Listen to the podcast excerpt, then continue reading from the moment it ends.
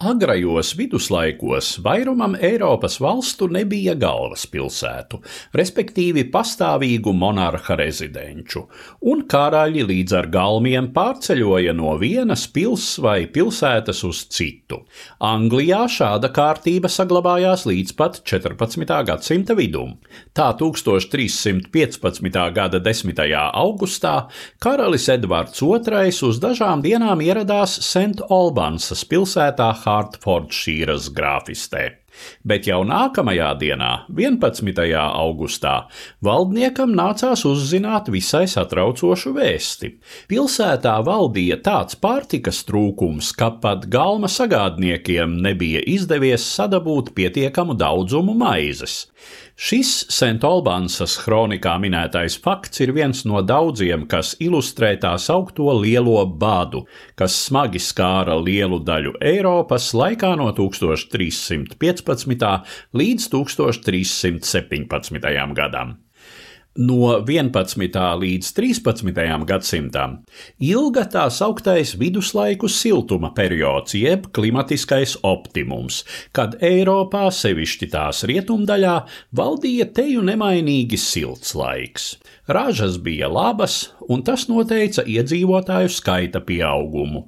Tas gan ar laiku radīja jaunas problēmas, jo 13. gadsimta otrajā pusē biezāk apdzīvotajos Eiropas reģionos bija vērojams lauksaimniecības zemju trūkums un augšņu noplicināšanās.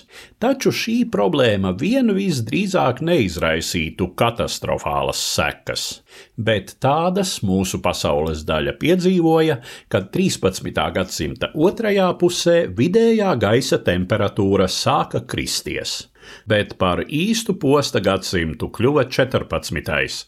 un lielais bats bija pirmais šo katastrofu virknē. Kā liecina laika biedri, 1315. gada pavasaris padevies neierasti slapjš, vasara nav bijusi labāka, un labība noslīkusi un sapuvusi applūdušajos laukos. Postu vēl vairojusi mutes un nagu sērga, no kuras apmirusi liela daļa mājlopu. Slapjējai vasarai sekojusi ilga un augsta ziema, un līdzīgi laikapstākļi saglabājušies arī nākamajos pāris gados. Izmisumā nonākušie ļaudis laupījuši un slepkavojuši, lai tiktu pie maizes kumosa, ēsti nevien zirgi un suņi, kronikas min kanibālisma gadījumus, tā skaitā tādus, kad vecāki noslepkavojuši un apēduši pašu bērnus. Kā zināms, agrāko gadsimtu autori mēdza sabiezināt krāsas un grūti spriest, cik bieži bijuši šādi baisi notikumi. Badam uz pēdām daudz viet sekojusi sērga, kas prasījusi jaunus upurus. Anglijas iedzīvotāju skaits pirmo reizi vairāku simtu gadu laikā krities, kā lēš vismaz par 5%. Cieta arī citas Eiropas daļas, tā skaitā toreizējā Livonija.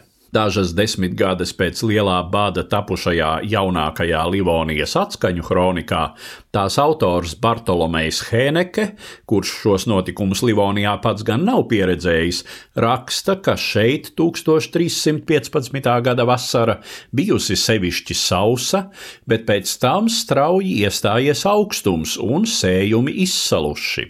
Bada dzīti ļaudis arī Livonijā ēduši mirušos, tā skaitā pakārtus noziedzniekus.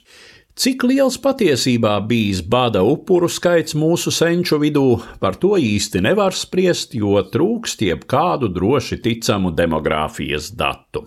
Kā jau minēts, lielais bats bija tikai pirmais cēliens kataklizmu virknē, kas piemeklēja Eiropu 14. gadsimtā, samazinot tās iedzīvotāju skaitu iespējams pat uz pusi. Pārtikas trūkums masveidā pasliktināja imunitāti, cilvēki daudz lielākā skaitā krita par upuri sērgām, tas nozīmēja mazāk darba roku un rezultātā vēl mazāk pārtikas. Veidojās nelaimju apburtais lokus, kas kulminēja 14. gadsimta vidū, kad Eiropu sasniedza buboņu mēra epidēmija. Vairums pētnieku uzskata, ka šīs dabas kataklizmas bija galvenais cēlonis tā sauktajai vēlo viduslaiku krīzei, no kuras mūsu pasaules daļa sāka atkopties tikai 15. gadsimta otrajā pusē. Stāstīja Eduards Liniņš.